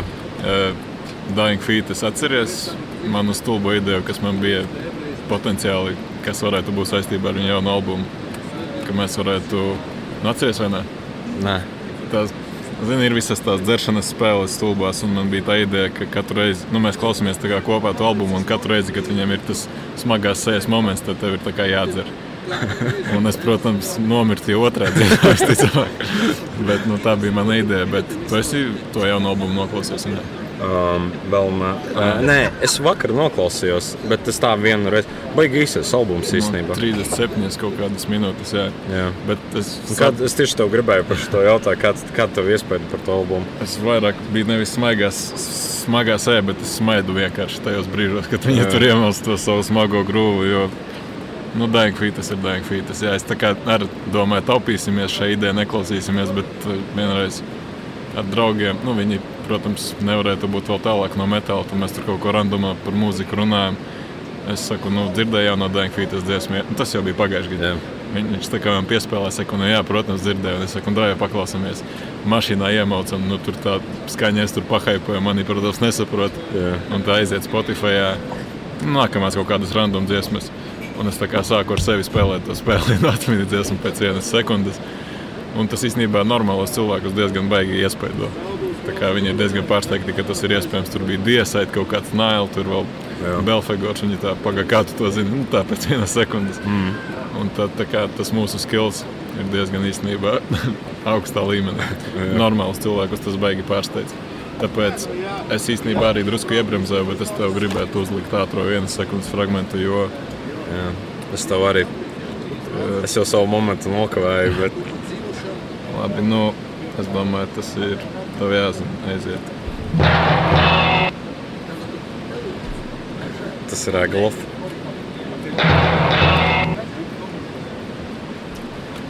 Um, kā saucās tā dziesma, kur bija tas?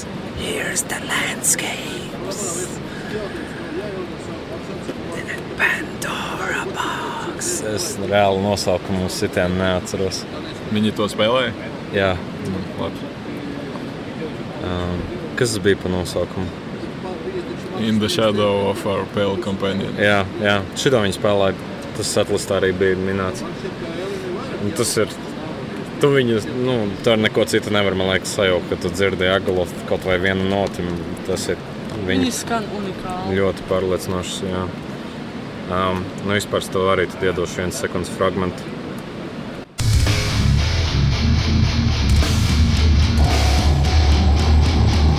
Baigi garā sekunde. Vai ne? Sešas sekundes. Un Tas bija Dying Fetus, bet no tā Wrong One to Fuck with albuma. Ne? Jā. bet tālāk man viņa neskan. Nu, jo viņam līdzīgi tās dziesmas. ka- Tas īstenībā nav no, Nē, no Reins un Prī. tas ir no jauna albuma. Ah, nu tad es taču nezināšu nosaukums. Es tikai to Compulsion for Cruelty bija tas singls, bet, Jā. Bet tas nav tas. Nu, šis ir of Ashes. Okay. Viens no tiem singliem, kas bija. Nu, jā, bet eh, vispār par jauniem albumiem runājot, es sāku jau pēdējā laikā parādīties baigi daudz visādas grupas, kurām vajadzētu pievērst uzmanību. Uh, neskaitot Cannibal Corpse un Dying Fetus. Uh, Death metālā. Atceries to flasheru, ko es pieminēju Jā, man liekas, jā. pagājušajā gadā ar to viņa demo. Viņi ir izdevuši. Uh, nē, viņi izdos šogad mm. vēl albumu, jā, man liekas, arī septembrī. Un, un, un, un uh, jā, tie noteikti ir tādi, ko vajag noklausīties. Nu, it īpaši mums, par cik mēs viņus saslavējam tie, ar to demo. Um, nu, jā, Deodijam būs jaunais albums. Un tāds Devdūms uh, šogad iznāca arī nu, vietējām Procession, tas jaunais albums. Tas tāda veca grupa, kuri beidzot kaut ko ir izdevusi. Ja? Cēsnieki. un, un, un, bet nu, no sludge metāla, jā, tad tie tarpondi, ko es iepriekš pieminēju, pieminēju tie izdeva albumu. Tas arī bija glabājis. Un tad black metāla galā uh, Black Braids. Jā. Mm. Mums tas noteikti kaut kādā brīdī ir jāapspriež, jo viņi izdevuši jaunu albumu. Um, kā arī Urfausts izdeva jaunu albumu pēdējo, cik es saprotu. Un, uh, man tāds laikam bija pārsteigums. Mārduks izdeva jaunu albumu. Man rīktīgi patika tas albums. Man iepriekš tā viņa nepavilka, bet šis albums man ļoti patika. Tur tāds netīrs, tāds vokāls, ja, un ļoti, ļoti labs albums. Ar šo albumu viņi man varētu, mani varētu pavilkt pat uz pārējo diskogrāfiju, man liekas. Nodara. Uzreiz es es zināju. Jā. Jā, man patika albums. Tur divi gabali labāk. Tu Izcēlās visvairāk. Bet un, no, no mums tāds lielāks Marduka fans esi. Tev tā kā salīdzinoši šis Nu. ir labāks par iepriekšējiem vai, vai kā? Nu, es neesmu tik liels fans, man tur patīk tādi divi albumi kārtīgi, bet es tā pārējos baigi nepārzinu. Bet... Nē, tur šitas ir bija arī. labs? Jā, šis bija tiešām labs. Es arī es gaidīju ko sliktāku. Jo iepriekš Zini, kā Kas tev mīļākais viņam? Obligāti. tas bija pirmais albums. Pirmais albums, Dark Endless, tas ir Madaras mīļākais. Laikam. Nu, jā, un arī labs ir uh, Panzer Division Mardu. Nu, tas tāds, ko daudz. Bet man, zin, man tie, tie, tas iestrojas, man nepārāk materiāls pagaidām. Jā. Nu, Zini, kā varbūt to pēdējo albumu ievilks. Un... Nu, piemēram, tas Viktorija albums, nu, tas bija vissūdīgākais. Manuprāt. Nu, jā. Tāpēc es domāju, tieši nu, kas būs jaunajā albumā. Bet jaunais albums būs Ļoti daudz labs. labāks. Ļoti labs. Es pat man liekas, ka būtu gatavs disku paņemt. Kam tu tik nebūtu gatavs disku paņemt? Labāk pasaki man. Tātad, runājot par albumiem un albumu coveriem, mēs tā kā gribējām bišķi parunāt par mīļākajiem albumu noformējumiem, re- respektīvi albumu dizainiem, albumu vāciņiem. Um, to var turpināt. Jā, es nezinu, kā mēs šo tēmu tik ilgi esam turējuši kaut kur zem pūra, jo tā liekas tāda viena no acīm redzamākajām tēmām, par kurām vispār metālā runāt. Jo, protams, ka šajā žanrā tie vāciņi, man liekas, ir daudz nozīmīgāki nekā citos varbūt mūzikas žanros. Un, protams, tie stili arī ir dažādi un dažādākie. Katram žanram varbūt ir kaut kādas savas īpatnības un vienmēr interesanti zināt cilvēkiem arī tur atsevišķas gaumes un tā. Tāpēc pamēģināsim varbūt. Nē, labi, zinu, kā man parasti baigi kaitina, kad tu cilvēkam uzdod konkrētu jautājumu un viņš tev pasaka, nu, tu pasaki izvēlēties tikai vienu un viņš pasaka, ai, nē, es nevaru ņemt tev piecas. Bet es izvēlējos pats kaut kādus piecus, jo es nevaru jau vienu tikai izvēlēties. Jā. Tā kā es uzdodu šoreiz jautājumu, es gan jau varu tā no, nočītot mazliet. Un, Mm -hmm. tu, es tā kā viņus arī negribu īpaši kaut kā rankot vai tā, bet jau principā ar pirmo tu sapratīsi un uztversi to stilu, kas man tā aiziet vairāk, jo, teiksim, acīm redzamu, vai pareizāk sakot, acīm neredzamu iemeslu dēļ es varbūt tādus supermākslinieciskos tā īpaši nevaru izbaudīt, tāpēc man baigi patīk tādi ar spilgtām krāsām, ar kaut kādiem tēliem, tādiem izteiktiem, piemēram, Rekurūt, Temple, in the Underworld. Tas izskatās pēc uh, nu, tāda klasiskā old school death metāla stiliņa. Tā ir Čehu grupa, viņa baigi unikāla. Tas kaut kādā 90. Nezinu, 2. un 3. gada albums iznāca, un viņi tā kā jau uz heavy metālu ar black metālu. Ļoti Ah, tam laikam. Pilnīgi. Bet, nu jā, tas tā kā death metāla iezīmēs. Varam tad, piemēram, Gutted, Bleed for Us to Live. Jā. Atkal tās krāsas un visas spilgtās. Fulči, À, nu jā, Tropical Sun. šis bija ar to sarkano disku. Ne? Jā, jā, bet viņi vispār forši. Viņi tā kā taisa rīpresus un katrs ir savādāks. Tas Mhm. viens bija asiņu versija, tad bija saules versija dzeltenā, tad tur vēl kaut kas bija. Jā. Nu, tad, protams, Cattle Decapitation, Monolith of Inhumanity. Mm Mhm. -hmm. nu, šis varētu tāds stabils top 3 būt. Jā. Nu, More Denial, Plague. Mhm. Nu, tas stils mākslinieckais savā ziņā, tā kā Death Leprosy, visi tie Jā. repi, kas artwork. Nu, protams, ka ļoti minimalistiski savā būtībā, bet, bet Kā viņš reku pasties viņa aiz rokas. mm, Revenge, uh, Attack Blood Revenge. jā. Tā kā, jā, nu, Jā. kaut kā tā. Um, nu, labi, ja mēs tā kā pieminam savus, tad es, es, es tikai varēju vienu vāciņu iedomāties, jo zinu, ka man šis vāciņš ļoti ilgu laiku bija favorīts. Es pat pusauģu gados viņu gribēju kā tetovējumu. Mm. Un, uh, un es vienkārši saprotu, cik ilgi man tas vāciņš ir paticis un ko nozīmējis. Es pat nevarēju izvēlēties neko citu. Kaut arī tas stils nav tāds, kas man ir favorīts, bet vienkārši man tas vāciņš ir favorīts. Un es runāju par uh, Tā tā ir pa negatīvu, kur bija tā pakaļ virsū tam. tam Nē. Nē, tas krā, krāns vai kāds. man. Nē, Parkway Drive, Deep Blue. Ā, Vari pat nerādīt. Es, es jau Jā, nu, es šo es noteikti esmu kaut kādās sērijās minējis. Jā. Nu, jā, Bet šis jā, jā. vāciņš man vienkārši. Es sapratu, ka es nevaru īsti citu izvēlēties, tāpēc, ka man šis ir tas vāciņš, kurš man ir visvairāk iespiedies atmiņā. Lai- Basic, Ko? basic vāciņš, ūdens. Nu, Es nezinu, vai nu, tāda masīva tas viss ir. Nu, es nevaru tā varbūt īsti pat noristurot, kāpēc man tik ļoti viņš patīk, bet šis ir tas noteikti, ko, ko es izvēlētos pagaidām. Bet šobrīd man vairāk tādi mākslinieckie varbūt patiktu, vai arī tādi, zini, kas ir tagad diezgan izteikti, kad ir kaut kāds, nu, teiksim, uzgleznots. Kaut kas milzīgs, milzīgs zvērs. Jā, un, nu, piemēram, es redzēju, tur komentāros mums bija kaut kas tamlīdzīgs. Vāciņu izvēlējies, re, kur Belvičs, Mirror Reaper. Ja? Nu, tad vienkārši tāds kaut kas ir pārdabiski liels, ja? un daudz tajā kontekstā visā apkārtējā. Man liekas, Morbid Evils arī bija līdzīgs vāciņš. diezgan daudz cilvēku vispār arī sarakstīja savus, un es daudzus arī vispār pirmo reizi redzēju. Tā kā par pārsteigumu ļoti interesanti, ka neviena Iron Maiden, jo tas parasti tā kā nu topā visiem iet, jo viņiem arī tie vāciņi tādi klasiskie, ļoti tādi arī stilīgi.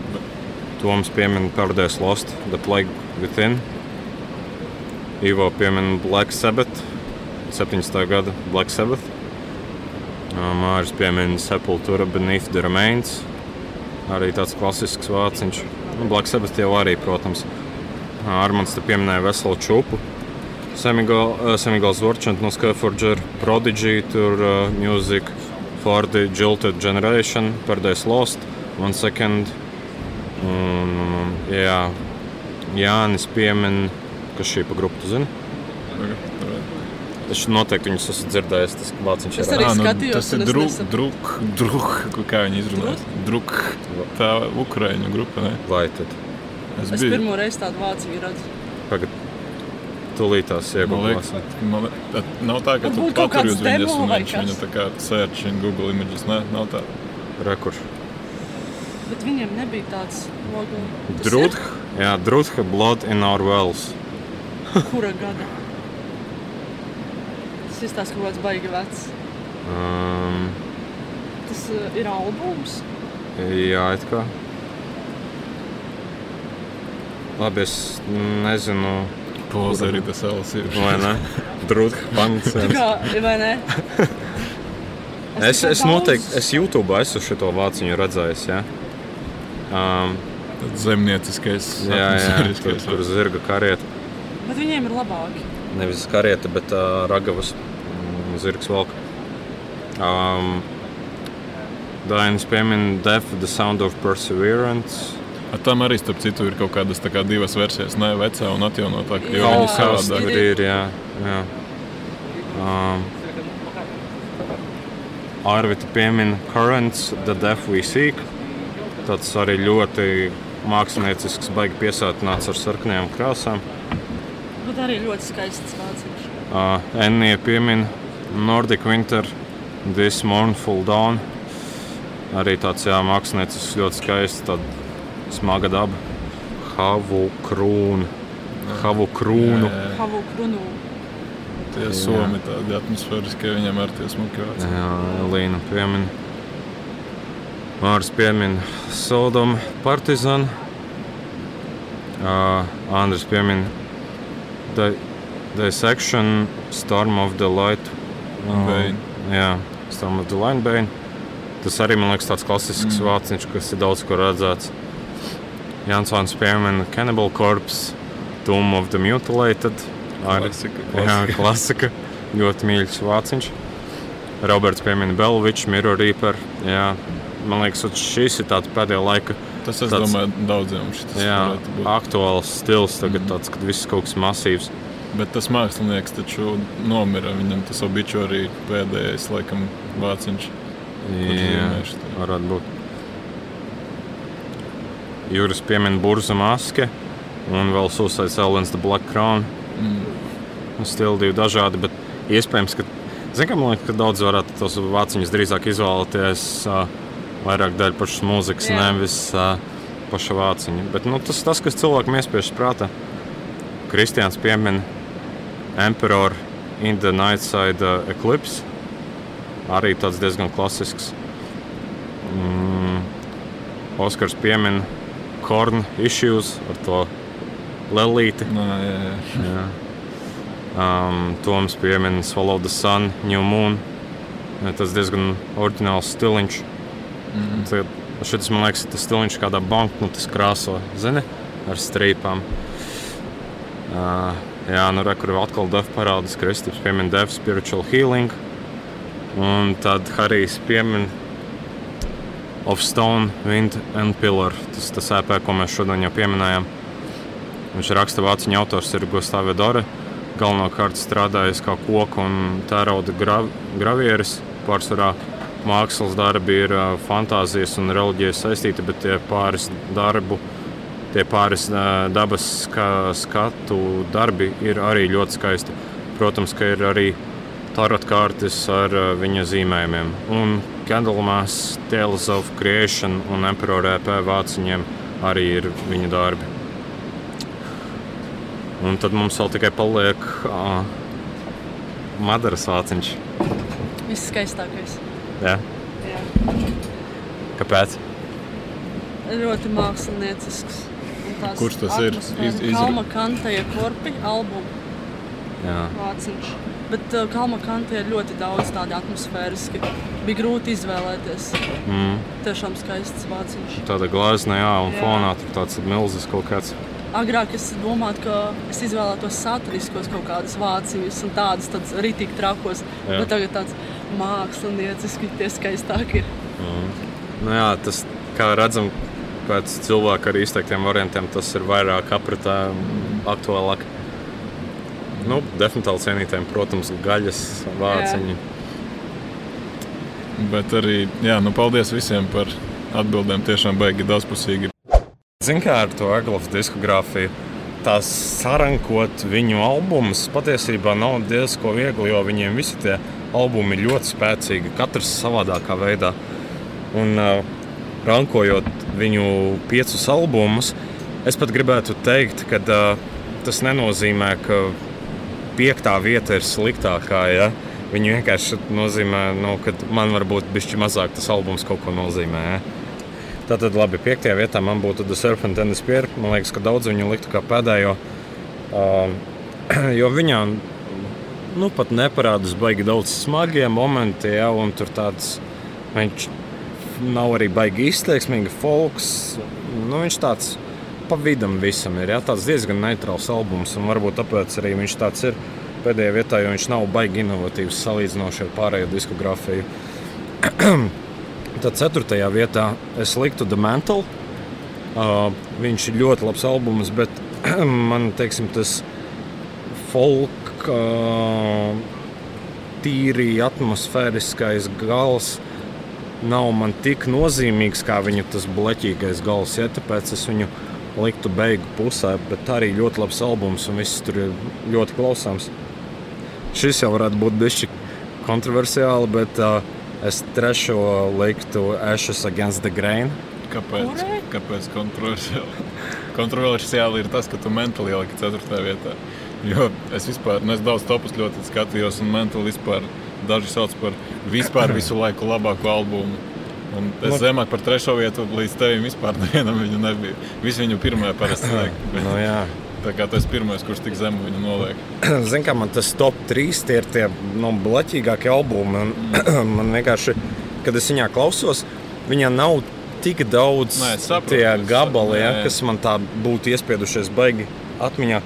Protams, tur ir tas gabals. Uh, Not unlike the waves, ar kuru es vispār uzzināju par to grupu. Ja?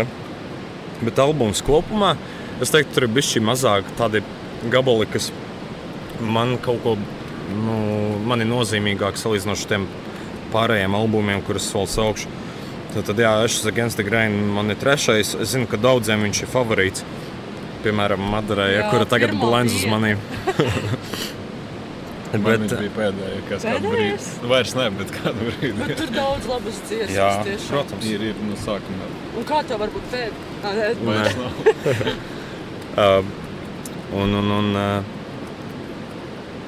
tagad numur divi, otrā vieta man ir. Uh, Viņš varbūt pārsteigums, bet Pale Folklore, kas man agrāk, jā. jā, man teici, ka Man, man vienmēr viņš bija pirmais, ja? bet es tagad, zinu, kā mēs pēdējo pusgadu vienkārši uz riņķa drēlējam viņa diskogrāfiju. Es vienkārši sapratu, ka man uh, Moral of the Spirit dziesmas ir tādas, kur nu, man vairāk emocijas izraisa. Ja? Tur, mm. tur ir uh, vienkārši Moral of the Spirit parādās vairāk depresīvais gals. Ja? Apel folklore, viņš tāds ir tāds 90. gadu bleķa No, stilā. Ja? Kas, uh, tur ir viss ļoti forši. Ja? Man nenormāli patīk. Man tas ir ilgu laiku bijis mīļākais albums. Bet, uh, uh, tas maraudas spirits, viņš ir krietni nomācošāks. un Man šobrīd tādas emocijas mūzikā vairāk patīk. Tāpēc, jā, pirmajā vietā man ir maraudas spirits, viņu ceturtais albums. Jā, interesants rankings negaidīju, godīgi sakot. Bet, starp citu, vēl, nu, jūs noteikti, ne, nu, labi, festivālā gan jau visi zināja, bet internetā ir vairāki veidi dzirdēti, kā cilvēki sauc to grupu. Labākais, kas man patika, bija Egalāčs. Agalači. Es tieši prasīju. Renāram, kā pareizāk izrunāt. Man liekas, viņi paši saka, Agalači. Tā kā Jā, nu es noteikti neesmu baigais fanboys tajā grupā, tāpēc īpaši nesitiet man par šo rankingu. Es tā, bet es baigi uzspieduši to saku pēdējās divas nedēļas. kā Tikai tos albumus mēģināju dzīt cauri. un Trešā līdz piektajai vietai vispār nevajadzētu ņemt vērā manā topā, jo es katru dienu viņus tur mainīju, šurpu turpu mētāju. Man pēdējā vietā ir tavs mīļākais albums. nopietni. Mero of the Spirit. Jā, Kāpēc? nezinu. es kaut kā tur ne... pirmā reize viņu klausoties, likās forša tā black metal atmosfēra. Tad Tev tā kaukšana nepatīk. Ja? Nu, tas pats par sevi, jā, bet kaut kā man to atmiņā paliekošo momentu vienkārši tajā albumā trūkst. Mm. Tad tālāk man aiziet tas serpents. Nu, tur tāda tīra, Serpent and Spear. Jā. jā, tāda tīra jauka atmosfēra, kaut kā atkal drusku vienkārši. Teiksim, visos, visus viņa albumus ir ok klausīties tajā brīdī, kad tu sēdi un to klausies, bet man tā kā, nu, nav tā sajūta, ka ok, šito es gribu vēl kā paklausīties, atgriezties. Nu, Mhm. nu, man personīgi trūkst to momentu. Tad trešā vietā, kurš man ilgu laiku bija pēdējā vietā, ir tas Ashes. Jā. Uh, Ashes Against the Grain. jā, tur tā Falling Snow dziesma. Viņa vidējais albums. Tīri laba. tad, ja tā ir tajā albumā. vai tur limps. Tas tā, tāds Jā. gabals. Nu, tad, tas tāds ir foršs albums. Jā. Nu, tad mental un pale folklore laikam atkarībā no gara stāvokļa var mainīties. Jo mental tas bija pirmais albums. Un saku, pirms es viņu pirmo reizi noklausījos, es biju. Man nu, tādas tās expectācijas, latviešu sakot, bija, jo pat divi tādi ietekmīgi youtuberi metālā, tas um, Count Blaggeroth un Cover Killer Nation. Man Ā. liekas, tie ir viņu mīļākie albumi vispār. Starp citu, es uh, par Eglofu uzzināju dēļ Kaur Killer Nation. tā kā Viņš uh, baigi reklamēja to grupu kādreiz, tad, kad viņš vēl bija Nu, aktīvs. jā, nu, Viņš vēl dzīves? Nu, it kā, jā, nu, kaut kas ņemts ar to sirdi, bet, nu, jā, it kā ir dzīves. Bet arī, nu, labi, ja tu saki, ka tas ir tavs mīļākais albums, vai tur visu laiku mīļākais, labākais albums, ok.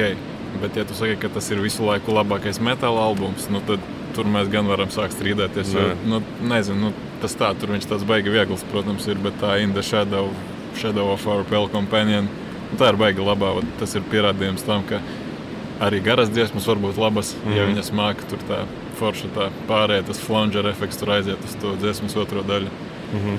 Bet principā tā kā tagad ir tāds rudens, un pagājušajā gadā tu man iesēdināji to, nu, mēs taisījām to rudens Jā. albumu sēriju. Es viņu tā noklausījos, man viņa savilkās ar to rudeni. Kurš? Pale folklore. Mm. -hmm. Tad, es domāju, uz šīm tā sajūtām man viņš ir tā pirmā vietā, jo tur arī atmiņā paliekošākie momenti, tie rifi, mazliet tā gotiskā pieskaņa šur tur. Nu, tā, teiksim, es tā kā varu dzīvot ar mierīgu sirdi, zinot to, ka man plauktā nestāv neviens no viņa albumiem, bet ja man tagad no debesīm rokās nokristu pēl folklora albums, nu, tā kā es beigās nesūdzētos, būtu diezgan priecīgs. Tu to šodien paturēsi, starp citu, to grāmatiņu No, sēdešanu. teorētiski, jā. nu, arī ja mentāli nokristu, nu, arī nebūtu dusmīgs. Nu, principā, jebkurš albums tā, ja nokristu, tad jau būtu ok. Bet, Tikai Eiropā diezgan pagrūti viņus tā Jā. dabūt. nu, Pēl folklora sāka, sākas no 20 eiro, tagad kaut kur diskokā. Tā kā nav tik traki, kā, Mhm. bet, bet nu, tā. Nu, vienīgi uz kasetēm tagad viņi ir pārizdevuši. Varbūt tas ir tas īstais variants, kā varētu ieķert Mm. to albumu. Tā kā tā Arī ļoti atšķirīgi. skaisti noformēts. Mēs paņēmām, mēs tam parādīsim. Tās kasetes, man, madaras. Manas kasetes. Jā, jā, protams, madaras kasetes. Un, nu jā, Nē, tie ir loģisks stops.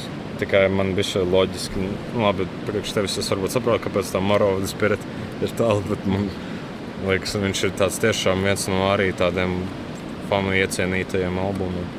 Um, nu jā, es domāju, ka kopumā visi var piekrist, tie, kas klausās vispār Eglofu, ka viņiem sliktu albumu nav. Un Tur katrs var atrast sev kaut ko īpašu katrā albumā. Nu, vismaz kāds no albumiem noteikti būs īpašs. Um, nu jā, un, un tad mums te arī viens no mūsu klausītājiem, un šādi palīgiem, Harijs. Ja, uh, viņam arī Eglofa ir diezgan iecienīta grupa, kā jau arī tika pieminēts mīļāko albumu noformējumos. Viņš pieminēja Eglofa fāciņu. Um, mēs Hariju atkal varētu būt iesaistīt un iekļaut viņa albumu apskatu, Eglofa albumu apskatu. Sveiciens visiem! Esmu Harijs, un šodien par godu amerikāņu atmosfēriskās black metal grupas Agalāk atkal apvienošanās koncertam, kurš notiks šī gada rudenī Vācijā Profesija Fest festivālā. Es pastāstīšu par viņu 2002. gada 13. augustā iznākušo otro albumu The Mantle. Viņu lielā mērā atzīti kronējošais sasniegums. Parasti šis vai nākamais albums Ashes Against the Grain piedalās šajā diskusijā.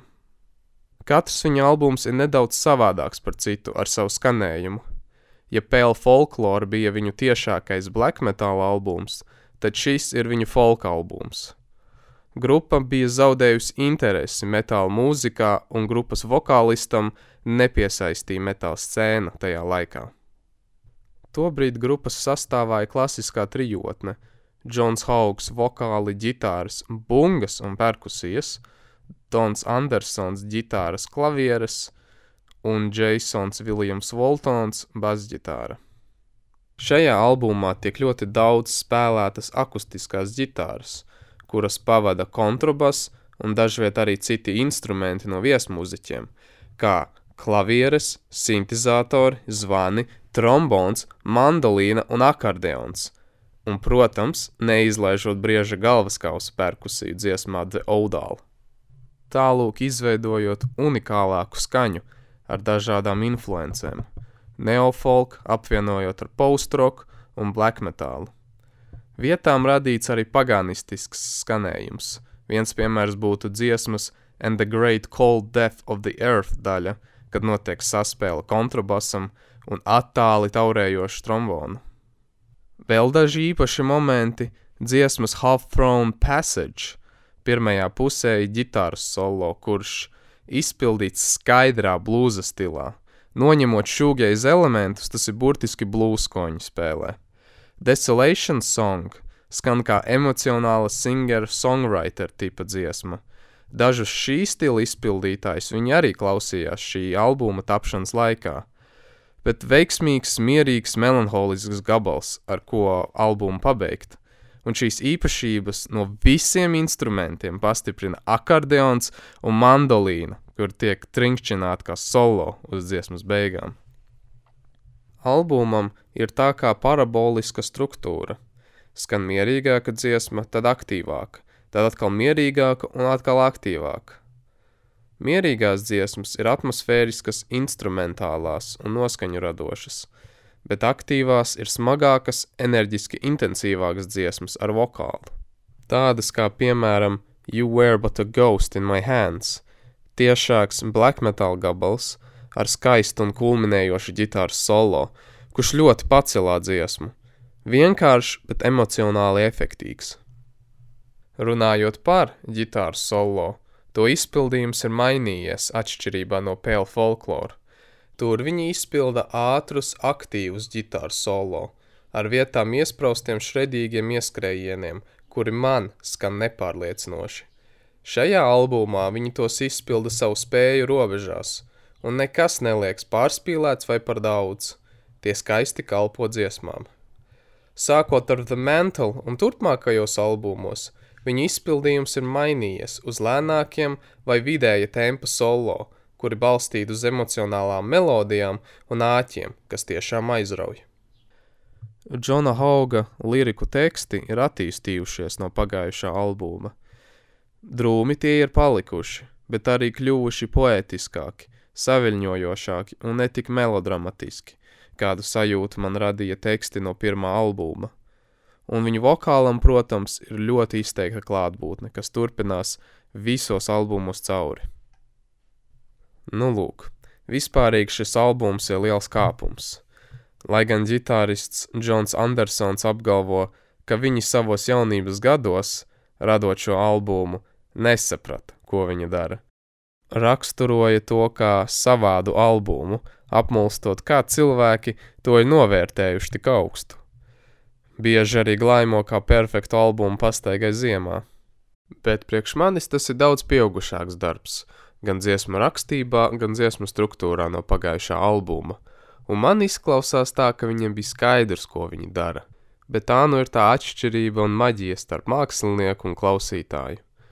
Realtāte droši vien ir tāda, ka tie bija eksperimenti, kur izdevās. Labi, visu labu! Un ar to mēs varētu visticamāk beigt sēriju. Ja? Nu, jā, tad paldies Harijam, paldies Madarai, paldies Renāram, paldies Dubultu pludmalei, paldies visiem, Forša. kas klausījās.